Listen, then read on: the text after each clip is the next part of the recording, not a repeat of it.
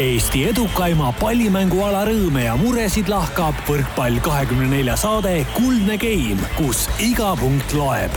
taustajõuna hoiab mängul hoogus ees Kredit kakskümmend neli kakskümmend neli Euroopa paremat naiskonda, seitseteist mängupäeva, seitsekümmend kuus mängu ja kolm medalikomplekti.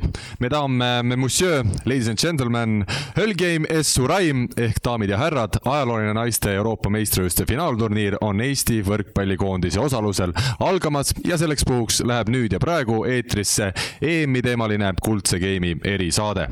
pikema sissejuhatuseta ütleb Karin Aldo neljapäeva õhtupoolikul, mil me seda saadet lindistame. tere meie tänastele saadet saatekülalistele. esmalt kahekordne Nõukogude Liidu karikavõitja ja Euroopa karikasarja hõbemedalist, Eesti kõigi aegade üks edukamaid võrkpallureid, endine Eesti koondise peatreener Anu Karavajeva, tere Anu tere, ma hakkan juba mõtlema, et ma olen tõesti hea ja teiseks endine Eesti ja Soome koondise peatreener, täna Audentese spordigümnaasiumis noori võrkpallineiusid treeniv Peeter Vahtra on samuti au, tere ka sulle. tervist. enne veel, kui me hakkame rääkima kõigest muust, siis olge head, Anu ja Peeter, öelge kuidas teie võtsite vastu selle EM-ile pääsu hetke jaanuarikuus, kui me selle mängu Soomega pidasime, kuivõrd suur eriline päev ja, ja õhtu see teie jaoks oli? loomulikult suur päev, sellepärast seda oota-, oodati ju pikka aega, võib öelda, ja selle nimel tehti tööd. ja noh, õnneks on meil nii head treenerid praegu, et töö on tehtud hästi Peeter, kuidas sinul oli? No ütleme, värin oli päris kõva sees ja, ja kui sügisene äh, augusti lõpus äh, esimesed neli mängu läksid ju äh, väga hästi, juba see Tšehhi alistamine ja kui tekkis juba reaalne võimalus enne kahte viimast mängu, mis talvel olid. et see on olemas, kuidagi sisetunne ütles mulle septembris juba, et ta tuleb ära, ma ei teadnud, kuidas aga ta tuleb ära ja noh, rõõm oli ääretult suur. millal sina, Anu, uskuma hakkasid sellesse imesse? tegelikult ma ka Andreiga olen väga palju rääkinud ja me oleme väga palju kohtunud ja ma ei oska öelda, ma mingi pärast ma arvasin, et nad Soome võidavad. vot seda ma tõesti arvasin, et seekord nad võidavad selle Soome. no te olete mõlemad Eesti naiskonna peatreenerid olnud varasemalt, kas nüüd oli kerge tunne ka eh, seda EM-valikturniiri vaadata kõrvalt, et ei pidanud ise seal väljaku kõrval neid hetki läbi elama? Või on just pigem vastupidi, et äh, sellistel hetkedel äh, oleks hea meelega neid hetki läbi elanud? no mina ütlen omalt poolt, et eks ma ikkagi elasin natuke üle ka siin seda Tšehhi mängu käisin vaatamas ja noh, peaaegu kõiki mänge. ja mul on äh, tore asi selline, et kui ma hakkan närveerima, siis ma lähevad kõrvad punaseks ja siis vanad mängijad ütlesid, kuule Anu, sul juba ükskord punane. et no natukene nagu, kui läheb juba nugade peale, siis no ikka närveerid. noh, mis sa teed?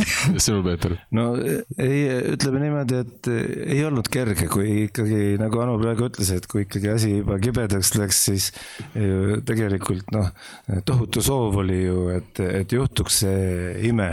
see oli ju ime terve Euroopa jaoks, mis nagu mulle tagasiside tuli, et selline positiivne asi, aga ega kerge, kerge ei olnud väristada seal.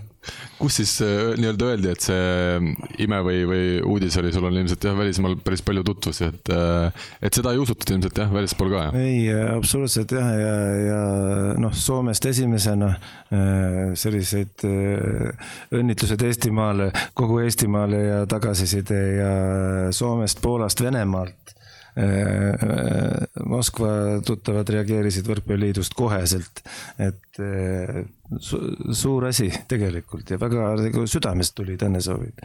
Anu, sina kogu Eestimaale. oled ka mänginud mujal, kuivõrd palju sulle neid õnnesoove tuli või, või neid märguandeid?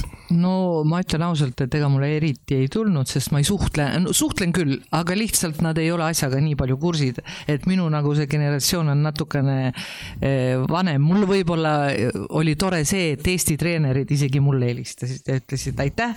ma noh, ma ei saa öelda, et seal ma midagi suurt olen teinud, aga mul tuli meelde üks juhus, et kui ma kommenteerisin, kui mehed esimest korda Poolat võitsid. Ma kusjuures alles vaatasin seda videot paar päeva tagasi ja seal oli Anu ja, ja Lembitu Kuuse, eks ole. just, ja siis kui Lembitu küsis, et no mis sa arvad, ma ütlesin, et noh, ma parem, pigem olen vait.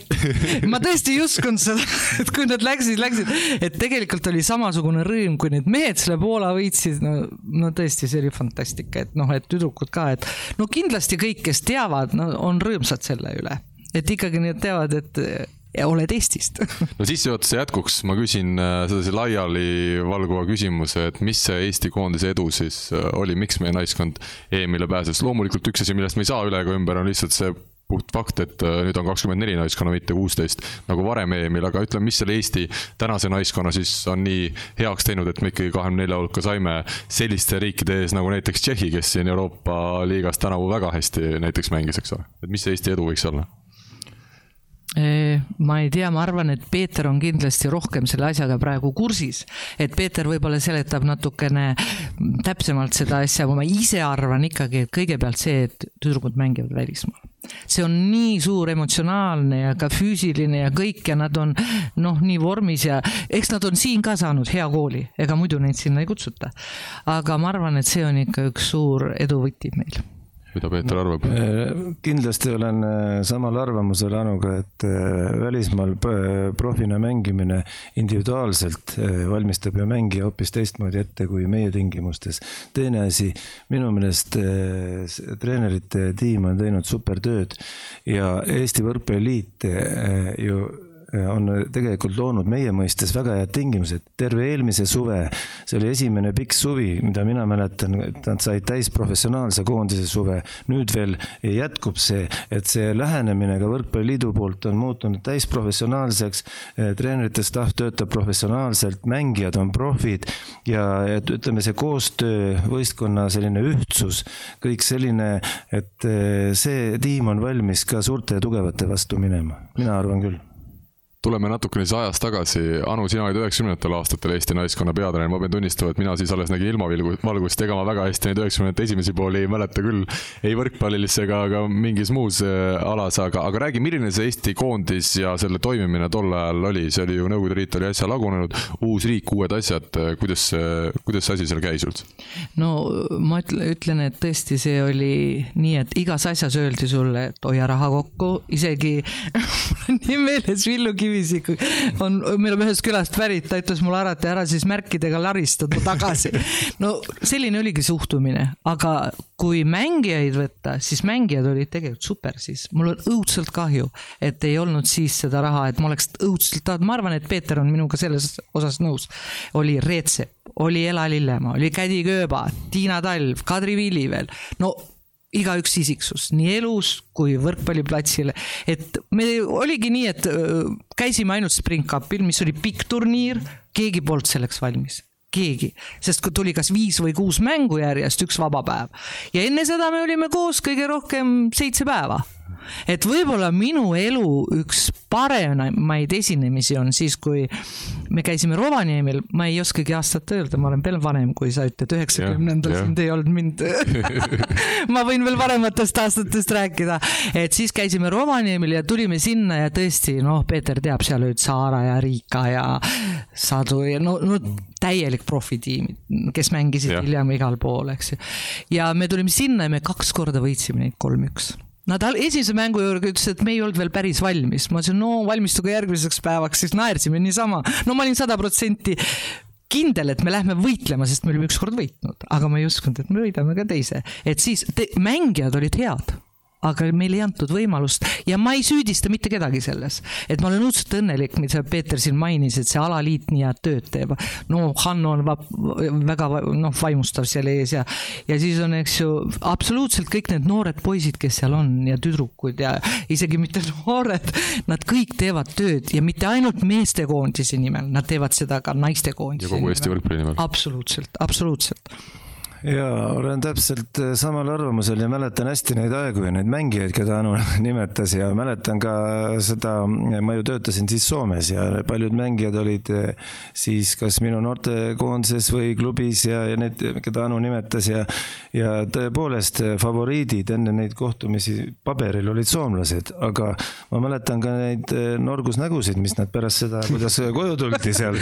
Ja, ja laiutati käsi, et kuidas see võimalik on, ei tea miks, aga vastus oli see, et eh, vastus olid väga tugevad isiksused, kes oskasid võrkpalli mängida, mitte ainult eh, noh, ei olnud ütleme ainult selle füüsise peal ja, ja muidugi tol ajal noh, ütleme Soomel hakkas see tugev põlvkond nagu kasvama ja, aga nagu liiga vara Soomes hakati nendest rääkima juba ülivõrdes, enne kui asi väärt oli, see võttis kõik aega. ma mäletan ju Riika ja Saara kasvamist väga hästi ja kõik ei läinud ainult ülesmäge, oli seal ka väga. Nad olid ju mõlemad sinu klubis, eks? ja, ja, ja, ja mõlemad olid ju treeningkeskuses Varalas ja kõik, et noh, hästi kaua tunnen. aga et see oli Soomele valus kaotus ja need mängijad tõesti, kui need oleks saanud, need Eesti mängijad, keda siin nimetasime, tol ajal kaua koos olla, sest nad Soomes olid igas oma klubis väga kõvad tegijad. Nendest räägitakse, kes mäletavad siiamaale. Aga kuidas tollal siis käis üheksakümnendatel see EM-idele pääsemine, kuidas see valikturniirid ja kas siis sealt Eesti ei võtnudki osa või? ei võtnudki osa, vot mina tulingi peale seda, kui nad mängisid, minu meelest oli Valgevene oli neil, ma ei teagi, ja nad kõigile kaotasid ja noh, ikka päris tugevalt, Valgevenel muidugi on praegugi raske vastu saada.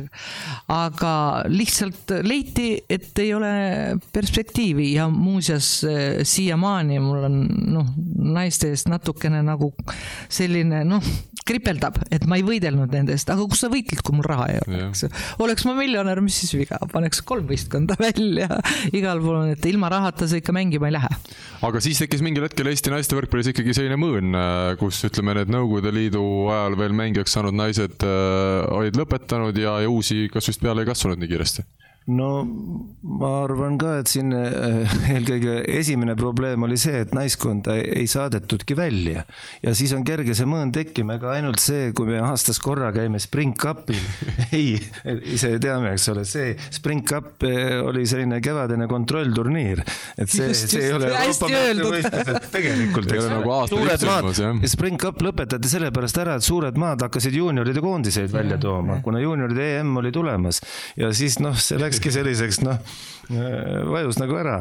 Ja, ja kui see oli siis ainus äh, väljund, siis noh, eks mängijad ka ju keskendusid oma klubi tegemistele ja, ja noh, tekkis, ütleme, auk tekkis eelkõige sellepärast ja seda oli ju kahe tuhandete alguses veel jätkus ikka ja siis võeti veel tegelikult kaks tuhat kaheksa võtsime koondise kokku ja pärast seda veel tekkis ju auk sisse, et ühesõnaga, et nüüd alates siis noh kaks tuhat kaksteist, nüüd on järjest läinud, et ütleme, see rahaline pool tänapäeva spordis, tahame seda või ei taha, see määrib, mängib ikkagi väga suurt rolli.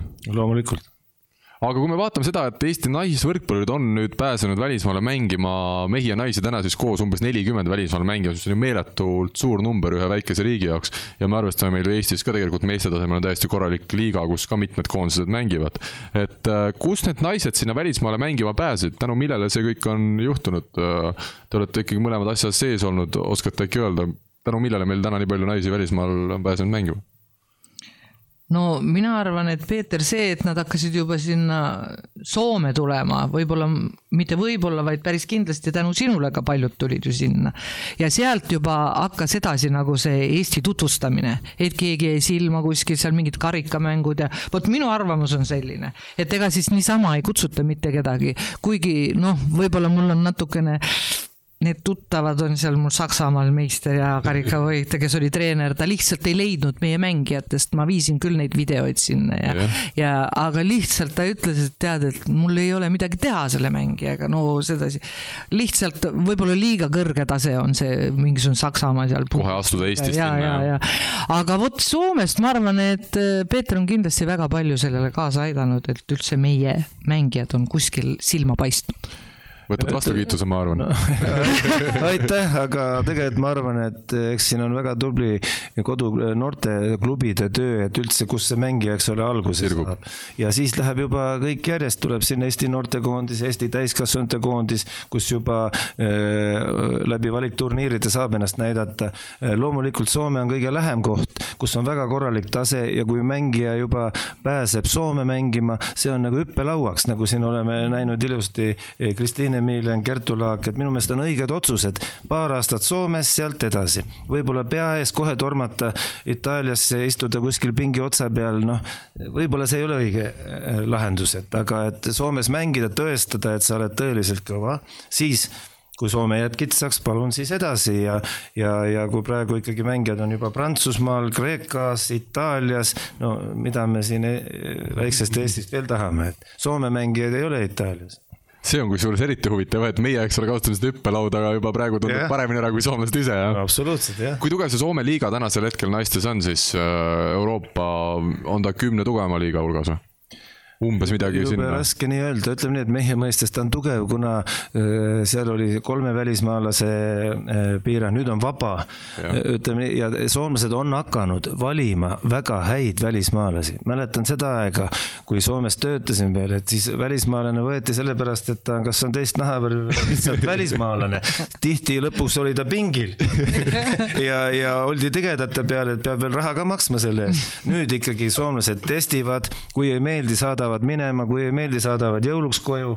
et nad, need välismängijad teavad, et see on väga tõsine töö tegemise koht. ja kui need klubid on ikkagi niimoodi juba komplekteeritud, osalevad kõikides eurokarikasarjades, no siis juba sinna tahetakse tulla, Soome on turvaline maa, ausalt makstakse. palgad makstakse ilmselt ära. lubatud. pigem enne kui pärast ja, tähtaega. jah, ütleme, et Lõuna-Euroopas tihti võib natuke jääda kripeldama need asjad. minu teada on meil mõned koondised siiamaani ootavad oma eelmise aasta rahasid. ja, ja samas ka äh, Soome enda mängijad äh, on oma hinna nii kõrgeks löönud, et äh, kui nad Soome, Soome klubi soovib neid palgata, kuuldavasti nad küsivad sealt rohkem raha kui välismaal. Et tegelikult on tugev liiga, nüüd kas oskan öelda, et kümne, ma arvan, et Euroopas kümne hulgas kindlasti, jah. Nii et see, see ikkagi on omaette kvaliteedimärk, et ütleme, Soome meisteliiga võib-olla päris, päris kümne hulgas ei ole, jah no selge, mis, äh, mis me sellest äh, ütleme, välismaale mängima pääsemisest äh, veel võiksime rääkida, eks ikka kontaktid ongi nii, nagu Anu ka siin Peetrit tõi välja, et ja me näeme meestekoondise puhul ju samamoodi Georgi Kretsu, sisuliselt kas iga mängija või iga teine mängija, kes Eestist välismaale siirdub või klubi vahetab, vahetab, seal on ikkagi Kretsu käsi või siis sõna sõna otseses mõttes mängus, et, et see on hästi oluline, et, et sa pead selles nii-öelda maailmas sees olema, kui sa siin ainult Eestis teguks, tegutseksid oma klubidega ja teaksid ainult Eesti võrkpalli, siis oleks ka väga keeruline siit mängijaid välismaale saada.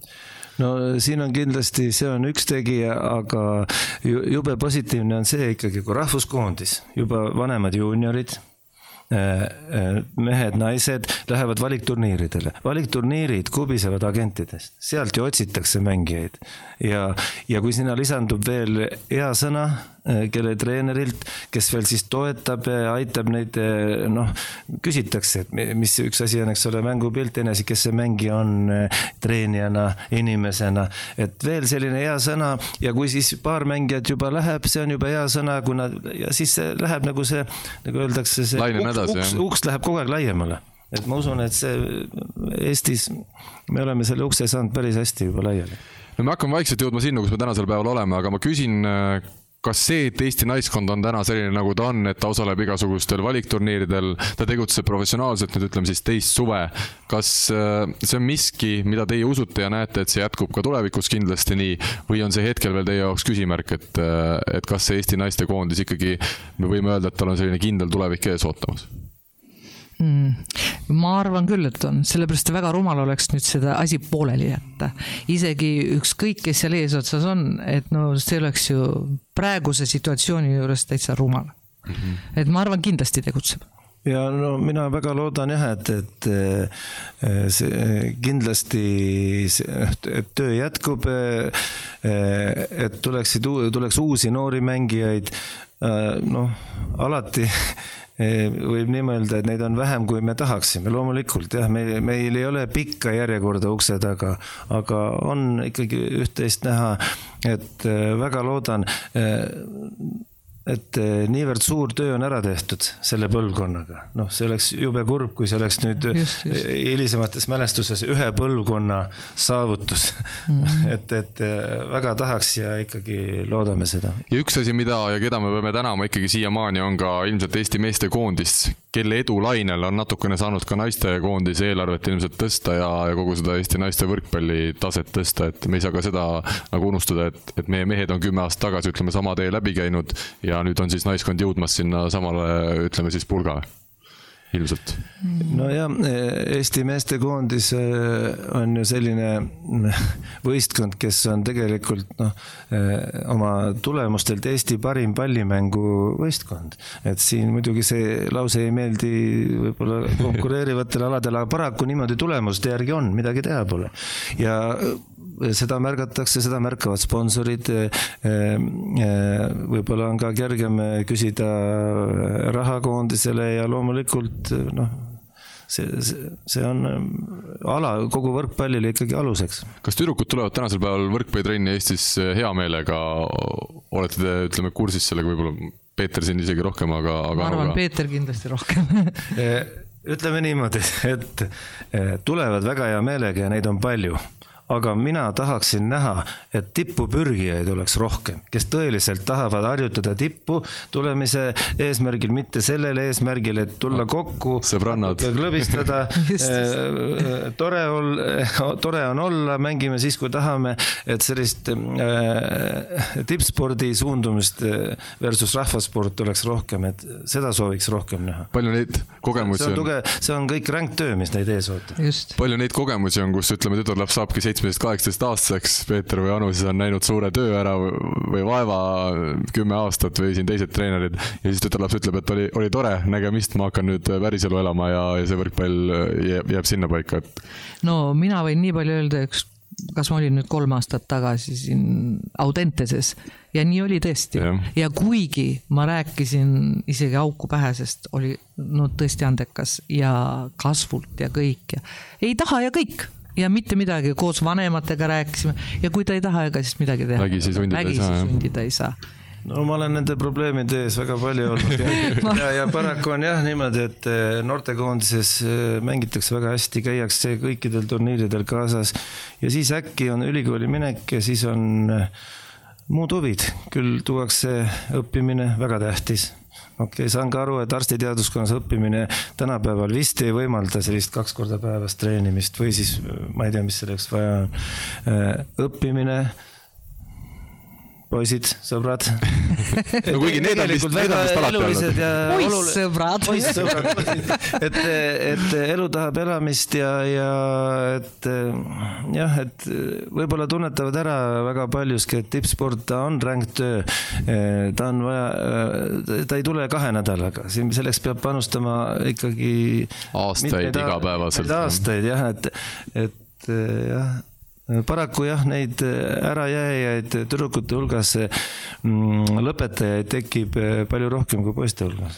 no me siin eelmises saates ka käsitlesime natuke seda teemat, et kui me vaatame ka tänasel päeval Eesti koondise põhitegijatest ju Julia Mannakmäe ja Kristel Moor pole näiteks uueks hooajaks omale veel koduklubi leidnud välismaalt ja, ja ütleme, neid pakkumisi on, on ju olnud, aga need pakkumised erinevalt, eks ole, meestest, kuna, kuna naiste võrkpallis on vähem raha nii Eestimaal kui ka välismaal, siis ütleme, need pakkumised on sellised, et nad nagu on ja nagu ei ole ka, et, et pakutakse sulle, ütleme, sellist äh, palka, millega sa nipet-näpet elad ära, pakutakse, ütleme, välismaalt ka tingimusi, aga need tingimused ei ole päris superprofessionaalsed, et äh, kui me vaatame kasvõi Prantsusmaa kõrgliigast, kus meil paar naist, eks ole, see aasta mängisid, ütlesid, et äh, vorm saabus sisuliselt esimeseks mänguks alles kohale, kõik nagu sellised asjad pidid ise ajama, endale leidma mingid asjad, et, et klubi nagu tegeles väga ebaprofessionaalselt ja me räägime Prantsusmaa kõrgliigast, mis siis veel rääkida Tšehhidest ja Rumeeniatest, et, et ütleme, et see on tõsine küsimus ka ja arusaadav, miks Eesti naised ütlema, ütleme, kaaluvad selle peale, et tulla ikkagi Eestisse tagasi ja, ja mängida siin amatöörtasemel ja teha siis õpinguid või, või tööd hoopis. jah, kahjuks see nii on, et äh, ei pakuta jah, palka pakutakse ära elada saab, aga, aga et kas seal nüüd midagi kõrvale panna annab ja eks mängijad, kes on, Julia on ju kaua aastat on ju lapsest saadik ainult mänginud.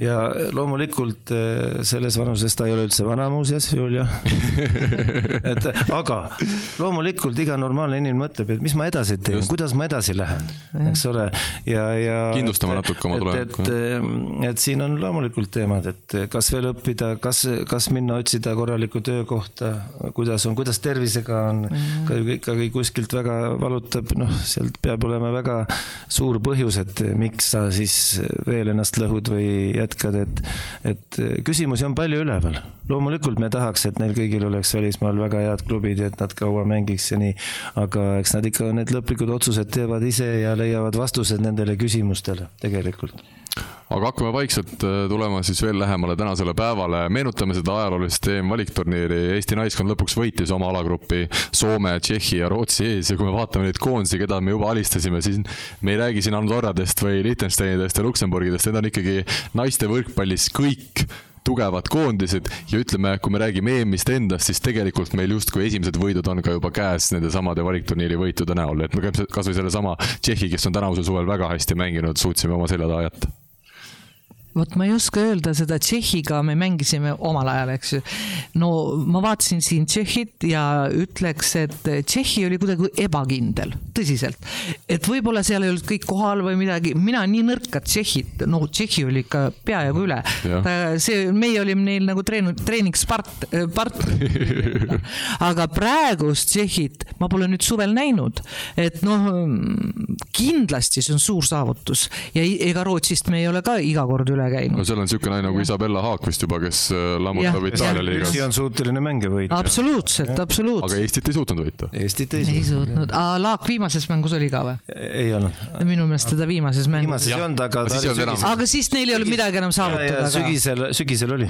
ja kusjuures ja siis sügisel, eks ole, me mängisime ka hästi nendega, et tegelikult äh, osad seal ütlesidki, võib-olla ilma Haagita mängides on Rootsi naiskond veel tänasel päeval tugevamgi, aga noh, see on selline ilmselt päeva küsimus ja, ja vaatenurga küsimus küsimus. ühesõnaga Euroopa meistrivõistluste finaalturniirile me siis äh, koha tagasime ja kui me hakkame natukene lähemalt võib-olla Eesti naiskonnast esiteks äh, rääkima, siis milline treener on Andrei Ojamets, teie olete temaga mõlemad mingil määral ju kokku puutunud, oskate natuke iseloomustada tema omadusi nii väljakul siis treenerina kui ka, kui ka inimesena?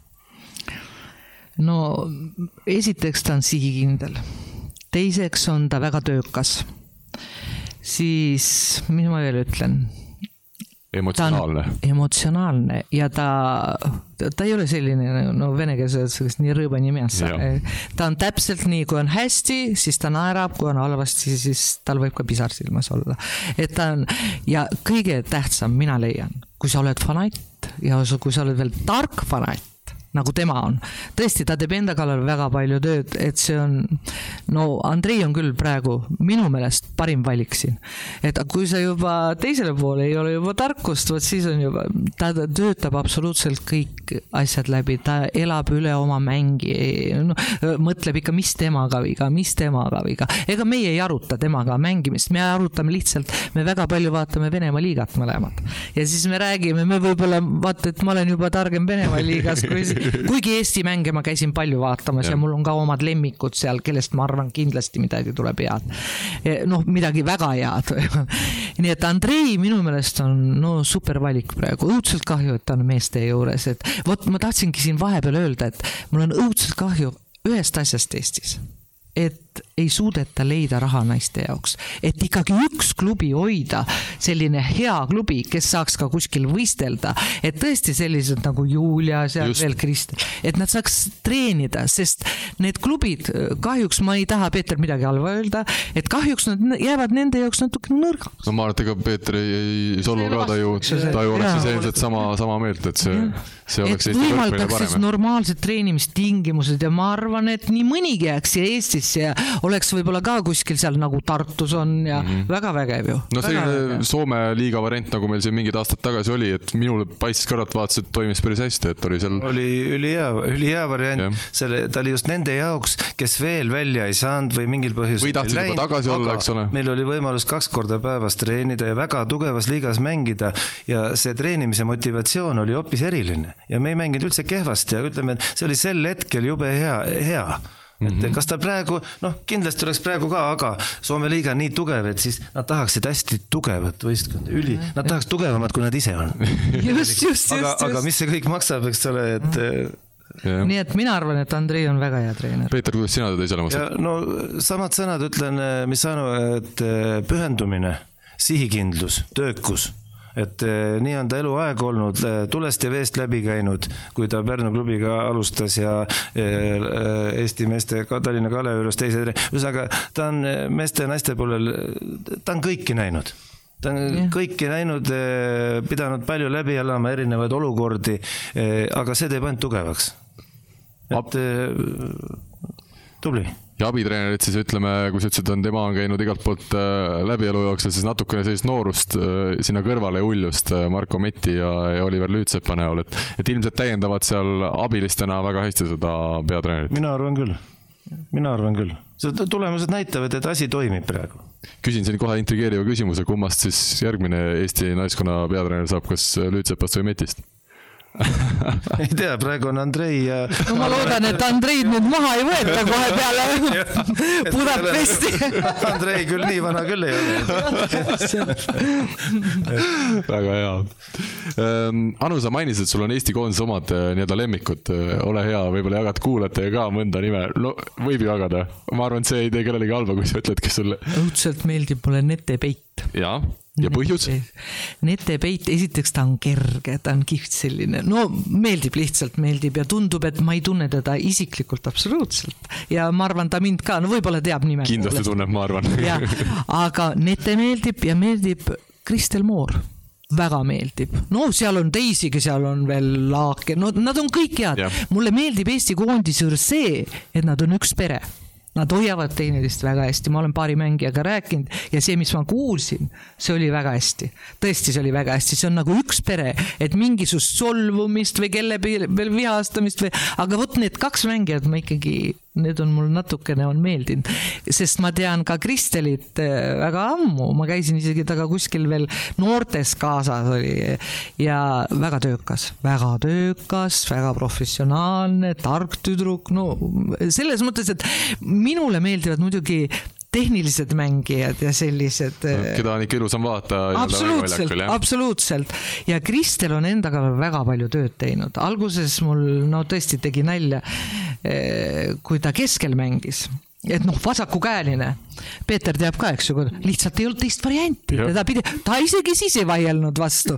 ma just Saksamaal ütlesin, et tead, meil on üks kihvt tüdruk, hästi pikk ja ta vasakukäeline, keskmine. ta ütles, et mis ma pean siis side panema ka kahe, nelja peale no naersid vastu, aga nad ei kujutanud ette, kui hästi ta sai sellega hakkama ja. ja ei vaielnud või midagi, no vot, Peeter on temaga vist rohkem tööd teinud. nii et vot kaks lemmikut mul on. väga hea no kui Anu siin mainis Kristelit, siis ma võin lisaks öelda, et ta on jah hästi huvitav mängija ja, ja ta on väga sõbraliku iseloomuga, ta on olnud väga töökas ja loomulikult ka andekas ja et noortekoondises ja siis, kui oli ka esimesed aastad täiskasvanute koondises, Kristel pääses ju sinna, kui ma veel olin peatreener, ta oli kaheteistkümnendas klassis ja ta oli põhikoosseisus.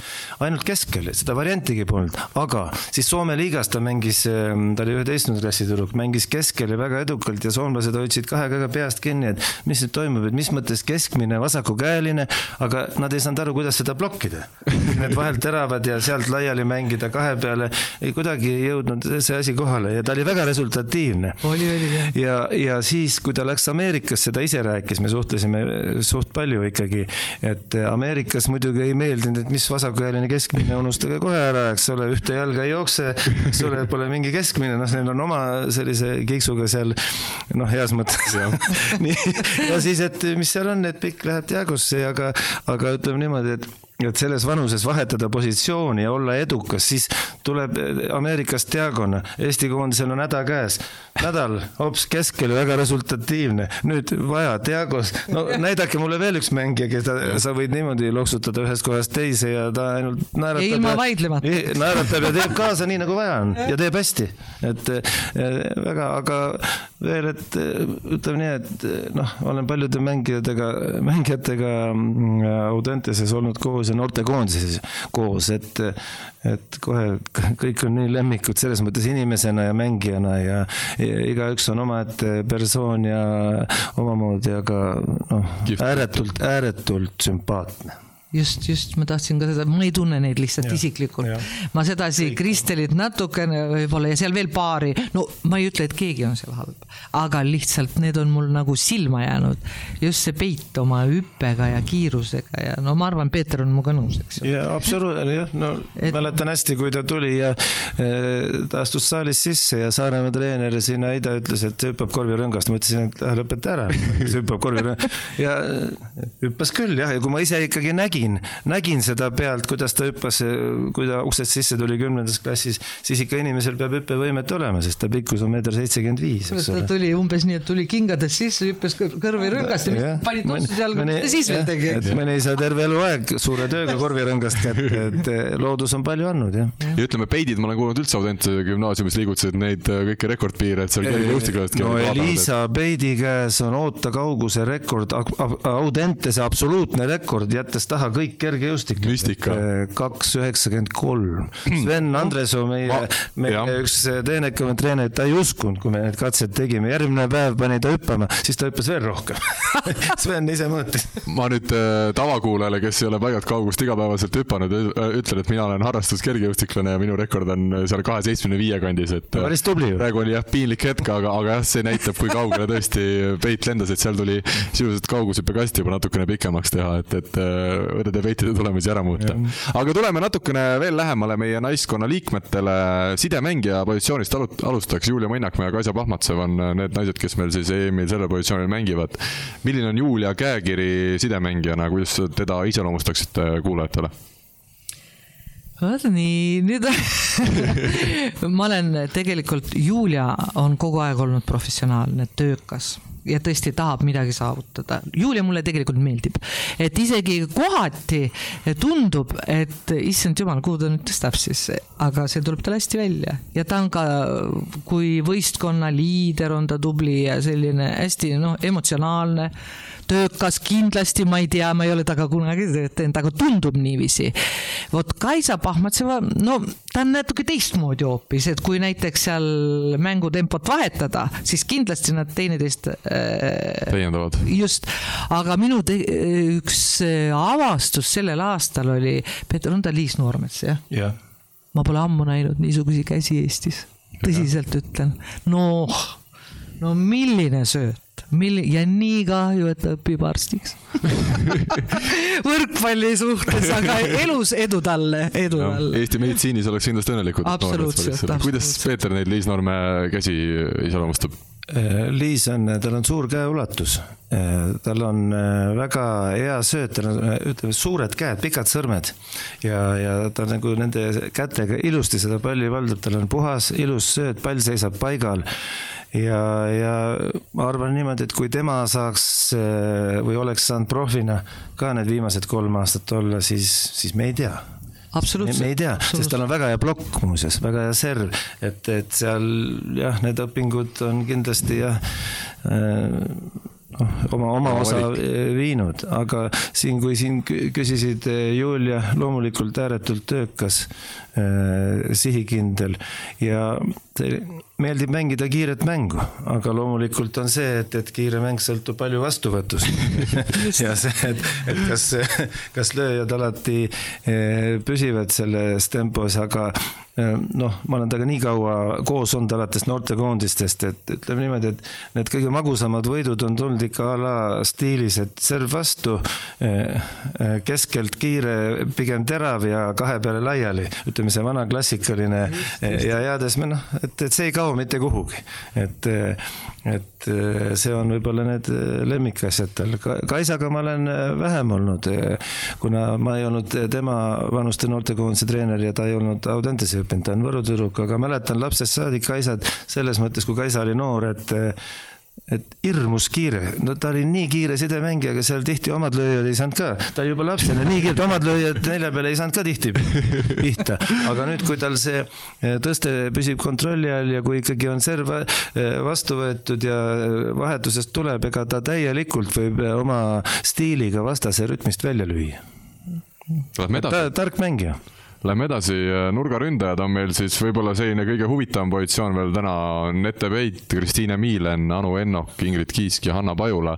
ütleme esiteks, keda nüüd teie peate siin hetkel äh, kõige tuga- tugevamateks mängijateks, ütleme Peit ja Miilen on siin olnud äh, sel suvel kõige rohkem väljakul. on see, on see õige, on see hea ja oskate äkki põhjendada ka, miks, miks see valik sinnapoole on kaldunud? Ilmselt võimsus, see rünnaku võimsus paistab praegu olevat, mulle vähemalt tundub see, see peamine põhjus nii Miileni kui Peidi puhul.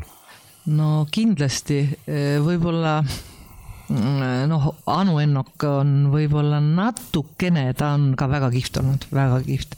nii vastuvõtul kui igal pool oma kasvuga, et ta on mitmekülgsem isegi kui on mõningad nendest. ja ma arvan, et eks ikka võimsus praegu, seal on ikka vaja maha lüüa nii esimesest liinist kui teisest liinist ja võib-olla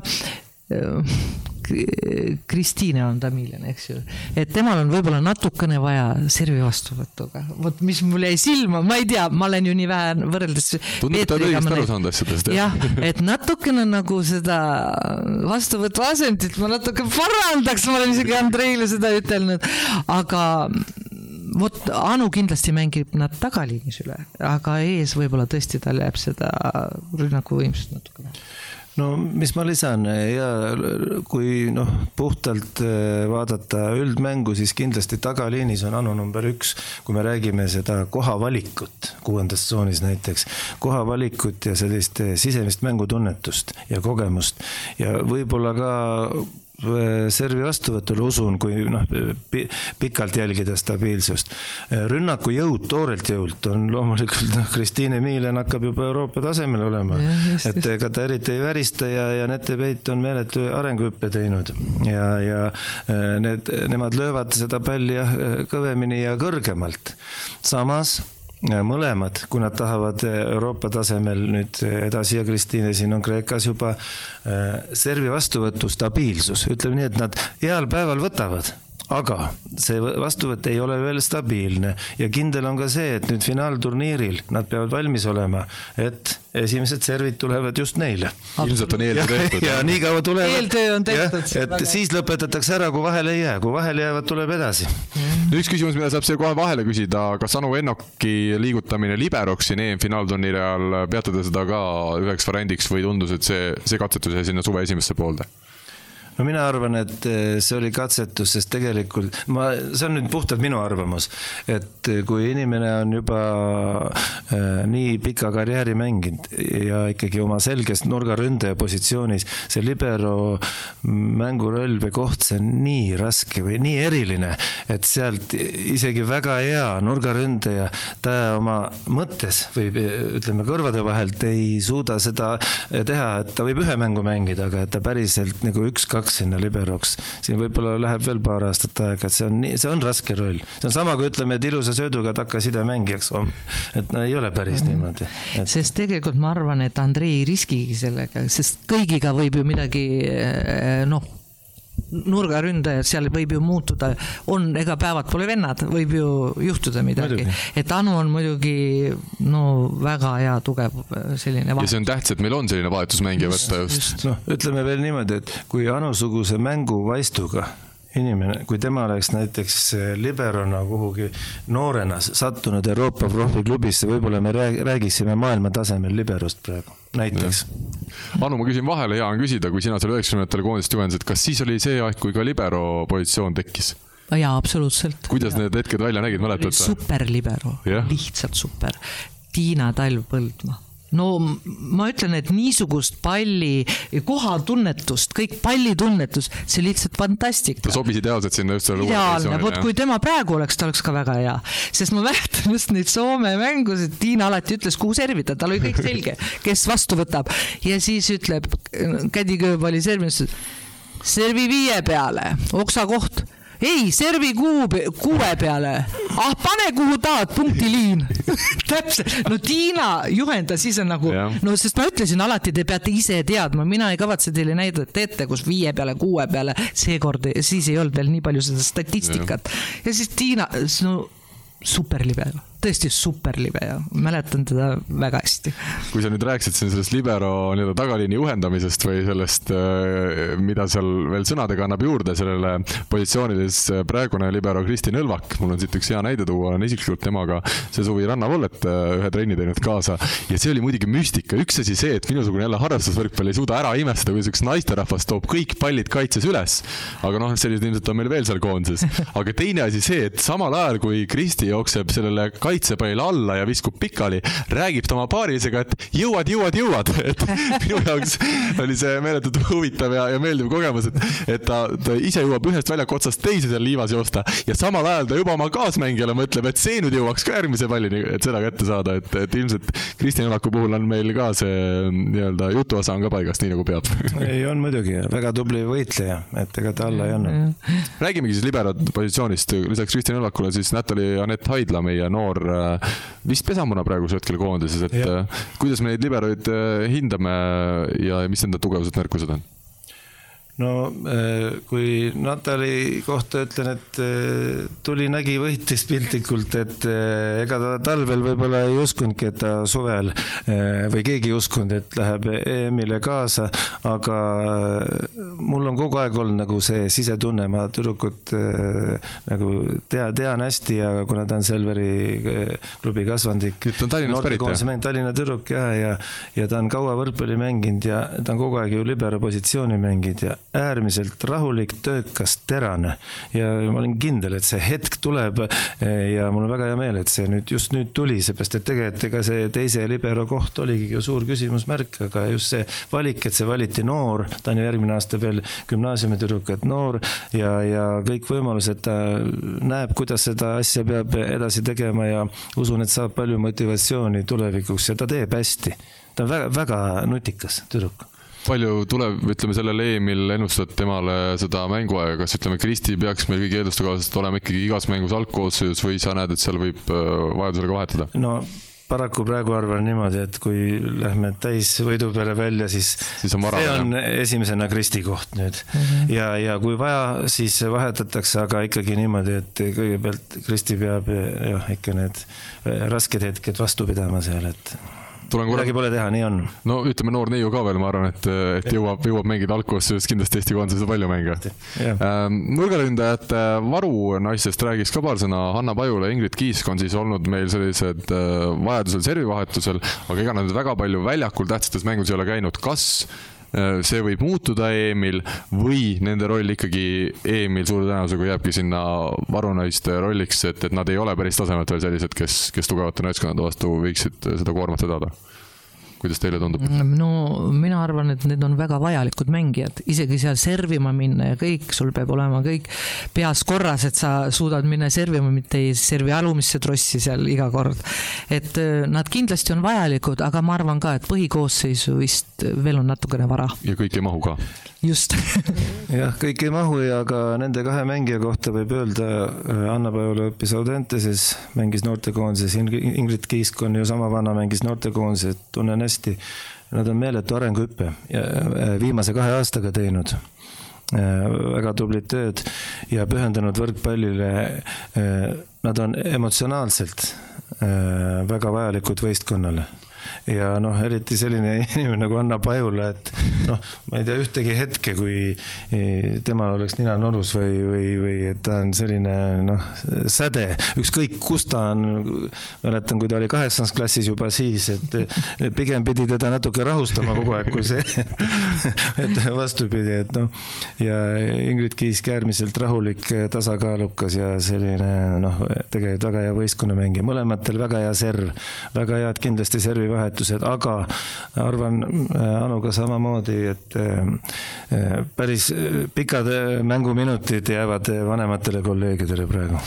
Lähme edasi, diagonaalründajate kohast räägime viimasena ja viimasena, aga praegu siis temporündajad Liis Kullergann, Eliise Hollas ja, ja Elisa Peit on see meie kolmik, kuivõrd meil on viis nurganaist praegu võistkonnas, siis on neid temporündajaid siis ühe võrra vähem ehk kolm tükki.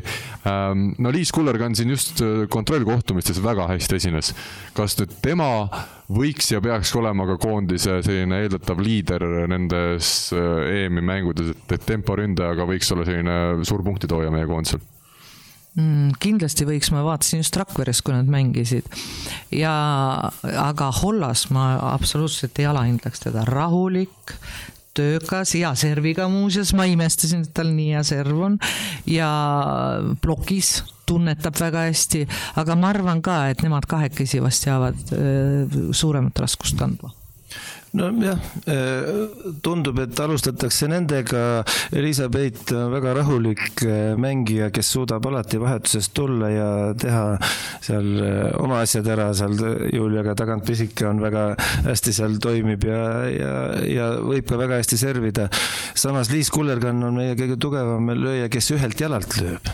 tema, see on väga oluline, kui ta mängi-, alustab sidemängija kõrvalt, siis kahes asetuses nad on ju korraga ees, et ühe jala, ilma ühe jala rünnakuta väga raske on eh, nurgaründajad vabaks mängida, et väga oluline moment. Eliise Ollas kindlasti nüüd eh, eelmise aasta ja nüüd kevadine statistika on näidanud parim blokkija jälle, et igaüks täie, igaüks on, on selge oma, oma roll ja, ja küll treenerid juhendavad ja, ja sidemängijad seal, mis ja kuidas ja mida. ja loomulikult Liis mängis väga resultatiivsed kontrollkohtumised, samas ta peab arvestama, et ega vastased jälgivad ka seda, et kui väga hästi mängid, siis järgmine kord on esimesena, keda üritatakse pihtide vahele võtta, et aga elu ongi selline ja tuleb hakkama saada. et kui võetakse keskmine kinni, järelikult on nurgas ruumi. Küsin siit äh, Hollase teema jätkuks, palju neid Hollaseid Eesti koondises lõpuks välja jõuab, teeme oma ennustused, kas korraga või? no üldse kõik võivad jõuda ju. kui nad tahavad, jah. aga korraga ma arvan üle kahe kaks korraga. kõige noorem tütarlaps Salme Adele on siin juba kaks tuhat neli koondises väga kõva tegija, et ma siin lausa vaatan selle pilguga, et noh, ma ei tea, kas ta kuulab, aga kuidas kaks tuhat kaks koondisesse äkki hakkab mahtuma. väga tubli tüdruk. no Helene Ollasel on uks kogu aeg lahti olnud, et see on ta oma valik nüüd, see rannavõrkpall, et ma arvan, kui ta oleks tahtnud, noh, on äärmiselt andekad või noh, sellise loomupärane andekus on küll olemas ja. kõige väiksem poiss mängib vist hästi, räägiti. jaa. tõsi ka. Hennikuga sai siin Paides toimunud Eesti meistrivõistluste ajal räägitud, et. võrkpalligeenid. jaa, et Eesti koondisse pääs, see on ikkagi silme ees juba praegu. ja, ja, ja Läheme edasi siis äh, viimase positsiooni juurde, diagonaalründajad ja siin on meil siis see kõige huvitav nii-öelda, huvitavam duo äh, Kertu Laak, Kristel Moor. Kertu on meie viimaste aastate kõige talendikam naisvõrkpallur, samal ajal nagu me siin saates juba oleme rääkinud, Kristel on meeletu arenguhüppe teinud edasi, just diagonaalis on väga hästi mänginud. ja nüüd on see küsimus, et kumb neist siis EM-il väljakule saata. kas Laak on vist täna veel grammi võrra ees vähemalt äh, EM-i esimese päeva eel või kuidas teile tundub? No Peeter on muidugi rohkem spetsialist, võib-olla ta ütleb, aga ma ütlen oma arvamuse lihtsalt, mulle tundub jah, et Laak on natuke eespool, kuigi mm, ma ei tea, kuidas seal on, eks Andrei ka teab, mis seal vastased on ja keda on vaja, järsku on vasakukäelist vahepeal vaja ja kõik. ma arvan, et nad täiendavad teineteist nojah, ma millegipärast arvan, et Kertu alustab, noh, ma ei tea ka muidugi yeah., võib-olla just mitte et, et seepärast Kertu on terve elu ju seda positsiooni mänginud, ta on väga edukalt seda teinud. aga samas on see, et arvestame, et, et vastaste statistikud ei maga ka. Kertu on suht kõva nimi juba ja kui tal on Itaalias ikkagi leping, kui tehakse Eesti vastu mänguplaan, no mis te arvate, keda esimesena minnakse rajalt maha võtma? et ega Kertul seal kerge, ta, ma usun, et ta saab hakkama, kerge olema ei saa. Yeah.. kõik rasked pallid, kui tulevad, teda passitakse kahekesi, võib-olla kolmekesi. samas Kristeli puhul see vasak käsi, aga tema puhul üldse ma ütleks, ta on arvamatu, ta on mulle endalegi arvamatu, no mis siis veel vastastele, ta on arvamatu ja kui see hea päev ja vahetusest õigel hetkel tulek, no siis võib vastaste treener või vastast ka käsi laiutada, et noh, mida talt võtta või jätta või kui vahel ta läheb lööma, võib-olla ta hetk isegi ta teeb selle otsuse või, või, või läheb lihtsalt jumala, jumala käega lööma, et, et ta on arvamatu ja heal päeval ta on, ma ei tahaks ta vastu mängida ja ütleme, nii ongi, nagu te siin ka ütlesite vist, et nad on hästi erinevad mängijad, et neid saab kasutada erinevate vastastega erinevat moodi ja see on jälle üks meie koondise tugevusi siin EM-il, et kui ühel ei ole hea päev, siis on meil kohe varustatud teine mängija, kes võib olla hoopis parem tol päeval. see on äärmiselt oluline, sellepärast et eh, peensusteni on ju tehtud iga mängija kohta tehakse ju profiilianalüüsid. et kui need kõik oleks sama, no jube lihtne oleks, aga et, et nad õnneks on, kui me räägime need eelnimetatud mängijad kõik siin, nad on õnneks õnneks erinevad et see annab treeneritele mängumaad ja, ja kogu võistkonnale, et see on meie tugevus, ma arvan. ja üks asi siis veel, et äh, Kertu Laaki on siin suve teises pooles ka kasutatud ju treeningutel nurgas vaatad, kuidas see vastuvõtuga lugu on ja me eelmisel suvel nägime Eesti meestekoondises Oliver Venno näol, et väga hästi on võimalik nii äh, neid suuri diagonaalründajaid äh, nurgas kasutada. kuidas teile nüüd tundub, kas see on ka täiesti realistlik variant, mida võikski kasutada, et, et Kertu äkki hoopis nurka ja, ja Kristel mängib siis diagonaalis? Mm, kindlasti võib kasutada, aga ma arvan, et nurgaründajaid nii suurt defitsiiti ei ole. et teda sinna, eks Andrei teab paremini, ta vastuvõtud ja kõik asjad. muidugi Kertu on selline hästi, noh, tundub, ma pole temaga jälle kunagi rääkinud, see tundub hästi töökas ja selline emotsionaalne ja tõesti tõeline sportlane, et ta on täielikult selline võitleja, kui vaja, läheb ka nurka, ma arvan. et vaidlema ei hakka, Kristel täpselt samamoodi. jah kui Kertu veel Eestis mängis ja äh, noortekoondises ja Kohilas, siis sai teda nurgas proovitud, vahele ta ei jäänud. aga peab ütlema niimoodi, et nüüd, mis ma temaga rääkinud olen, kaks aastat Soomes vist ei antud talle vastuvõttu üldse teha. ja, ja ta kindlasti, kui ta noh, järgmised kolm aastat kuskil klubis teeks vastuvõttu, ta võiks väga edukalt nurgas mängida, ma ei kahtlegi, sest ta on ande, andekas. aga praegu ma arvan, millegipärast sellel turniiril äh, teevad ikkagi diagoründajad oma tööd ja nurgad oma tööd, et seal, seal vangerdamiseks võib minna liiga kiireks või kuidagi. ma arvan, et proovimisaeg on juba möödas. see, see ei ole see, mina arvan nii, aga võib-olla juhtub üllatus no mina igatahes küll, viiskümmend viis minutit hakkab meil siin saadet täis saama varsti, olen saanud Eesti naiskonnast äh, igapäevaselt võrkpalliga töötades ikkagi veel täna väga palju juurde teadmisi, ma usun, et kuulajad äh, nõustuvad minuga. kui me nüüd hakkame vaikselt otsi kokku tõmbama, mis on Eesti naiskonna nõrkus? Kui me räägime ikkagi EM-finaalturniirist, meil tulevad väga tugevad vastased vastu, me oleme nüüd äh, mängijaid individuaalselt äh, hinnanud, aga mis on see Eesti naiskonna nõrkus, mis võib meile hakata nii-öelda kätte maksma, mida tugevamad riigid võiksid hakata ära kasutama, kas see ongi see servi vastuvõtt täna hmm.?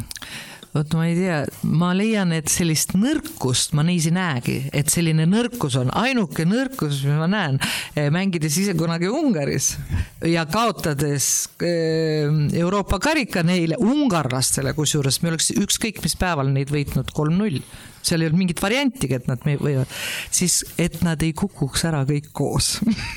Nagu meie seda tegime Venemaal.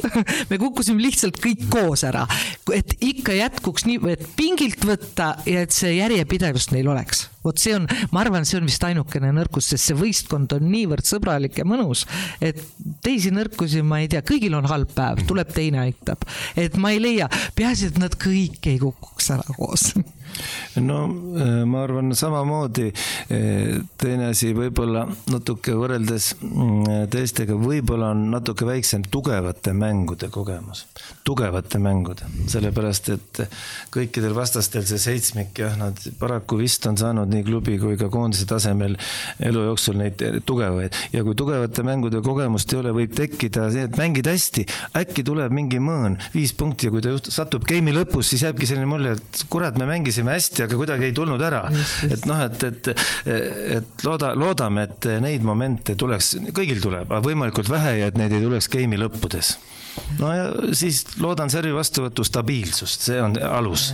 jah, et kui sellega hakatakse lõhkuma, kui sealt läheb vastuvõtust viis punkti järjest, see võib halvata seda muud mängu no esimene vastane kohe korraldama Ungari meil siis Budapestis reede õhtupoolikul ehk siis, kui see saade läheb eetrisse reedel, siis tänasel päeval ongi Ungariga oleme meie Eesti naised kohtunud siis kahel korral kahe tuhande kuueteistkümnendal aastal. üks-kolm ja kaks-kolm on need kaotusnumbrid, mis meil nendest mängudest kätte jäid ja olgu siis öeldud ka Ungari koondise augustikuised sõpruskohtumised Belgiaga kaks-kaks, Hispaaniat võideti kolm-null, Prantsusmaale kaotati null-kolm, Kreekat võideti kolm-kaks kaks, Slovakkiat võideti samuti kolm-kaks ja Slovakkiale kaotati teine mäng üks-kolm. ehk siis me näeme siit, kui see Prantsusmaa mäng kõrvale jätta, siis Ungari on need kontrollturniiri kohtumised kõik mänginud üsna korralikult, aga samas meie mängisime siin Valgevene Ukrainaga, jah, me kaotasime need, ütleme siis nädalavahetusel peetud mängud, aga samas mulle tundus, et kõigis game ides oli sellist põnevust ja tasavägisust küll, et mõlemad naiskonnad näitasid ja tõestasid, et nad on EM-iks valmis ja nad on EM-il oma tasemel tasemelt äh, ka. Ja, ja ilmselt siit peaks tulema loodetavasti üks võrdne mäng, aga Ungari on ikkagi selle mängu favoriit. No kindlasti ma arvan, aga Ungari on ka selline võistkond, kes võib kõik ära kukkuda, esiti, esiteks see, et nad mängivad kodus, see neid surub, esimene mäng ja sealt tuleb võtta maksimum kohe alguses, minna lihtsalt mängima. Ja ungarlased erinevalt, kuigi me oleme ühes sellises grupis, eks, nad on väga emotsionaalsed. Ja kui neil läheb, siis neil läheb, seal neid pidama enam ei saa, aga ma arvan, et kindlasti siin on, on võimalust, on võimalust jah, kui sa nimetasid nende kontrollmängude tulemusi, ma ei teadnud äh, muljetavaldav, aga need on kontrollmängud äh, kui Ungari valis, ma arvan, et nad said valida korraldajana, esimeseks vastaseks Eesti, on ju selge eesmärk, miks see valiti nii. et ennast sisse ajada ja punktike saada ja ega siis kõik tahavad nelja või keegi ei lähe turniirile, et koju sõita. nii, nelja hulka saada, aga see võib keerata neile täpselt peadpidi vastu, sellepärast äh, kohalik publik kodus mängivad pall on ümmargune. ja kui esimesed pallid ei jää kui ikkagi ei õnnestu ja Eesti saab selle oma kasuks pöörata, siis eh, arvestades nende emotsionaalse, emotsionaalsust, nagu Anu ütles, olen täpselt sama meelt. see võib täpselt vastupidi, et saaksime selle psühholoogilise momendi oma kasuks keerata. ja just, mis Eesti naiskonna kasuks sel turniiril mängib, mitte keegi ei oota neilt edasipääsu. kogu see EM-ile pääsemine oli juba üks suur õnnestumine ja nüüd, nagu ka naised ise teavad, on kõik boonus. loomulikult selline sportlik närv, ma arvan, et neil on reede õhtul enne esimest mängu sees, nii nagu peabki olema, aga sellist äh, koormat, nagu on ungarlastel, kes mängivad kodupubliku ees ja kes on ka varasemalt naiste võrkpallis ju nii mõndagi saavutanud, sellist koormat meie naistel küll ei tohiks täna siis peal olla. No mitte ei tohiks, ma arvan, et pigem, pigem äh, rõõmuga ja täiega paneme, et olgu siis Eesti naiskonna mängud kõik ka ette loetud veel ähm, reede õhtul ähm, Ungari Eesti kell kakskümmend üks kolmkümmend ja laupäeval siis Horvaatia, pühapäeval Rumeenia. kolm esimest päeva meie jaoks ongi need otsustavad päevad suure tõenäosusega, kui me tahame kuueteist parema hulka pääseda, ehk siis oma kuuesest alagrupist nelja parema hulka jõuda, siis tuleb äh, ilmselt kaks mängu nendest kolmest esimesest võita. aga nagu öeldud, ei ole tegu meil nõrkade vastastega. Äh, ja kahel viimasel päeval, siis teisipäeval ja kolmapäeval pärast äh, esmaspäevast vahepäeva mängib Eesti Hollandi ja Aserbaidžaaniga ehk siis eelmise EM-i teise ja neljanda naiskonnaga. seal ilmselt äh, saame juba nii-öelda täielikult äh, nautida ja vaadata seda maailma tippklassi ja proovida, kui kaugel meie sellest oleme ja, ja eks suudame seal näiteks game'i võiduni jõuda, mis oleks juba ise omaette kõva saavutus. nii et lõppkokkuvõttes äh, tuleb vist nautida seda turniiri ja, ja samas vaadata, et ehk õnnestub ikkagi veel üks ime korda saata. absoluutselt, absoluutselt no mina arvan ka, et, et äh, siin pigem see, seda enesetunnet äh, peavad mängijad iseendale sisendama, et äh, ma olen seal Ungaris ja miks mitte ei sõida sealt veel edasi kuhugi, ükskõik. kui tagasi tuled, et kõik on endast välja antud, tagataskus pole midagi, et siis saab rahul olla. ja tulemused võivad väga head olla lõpetuseks kogu Eesti rahvas on teie taga, meie naised Nete, Anu, Kristiine, Ingrid, Hanna, Eliisa, Liis, Eliise, Julia, Kaisa, Kertu, Kristel, Kristi, Natali ja muidugi ka meie maskuliinne treenerite kolmik Andrei, Marko ja Oliver. olge tublid ja nautige.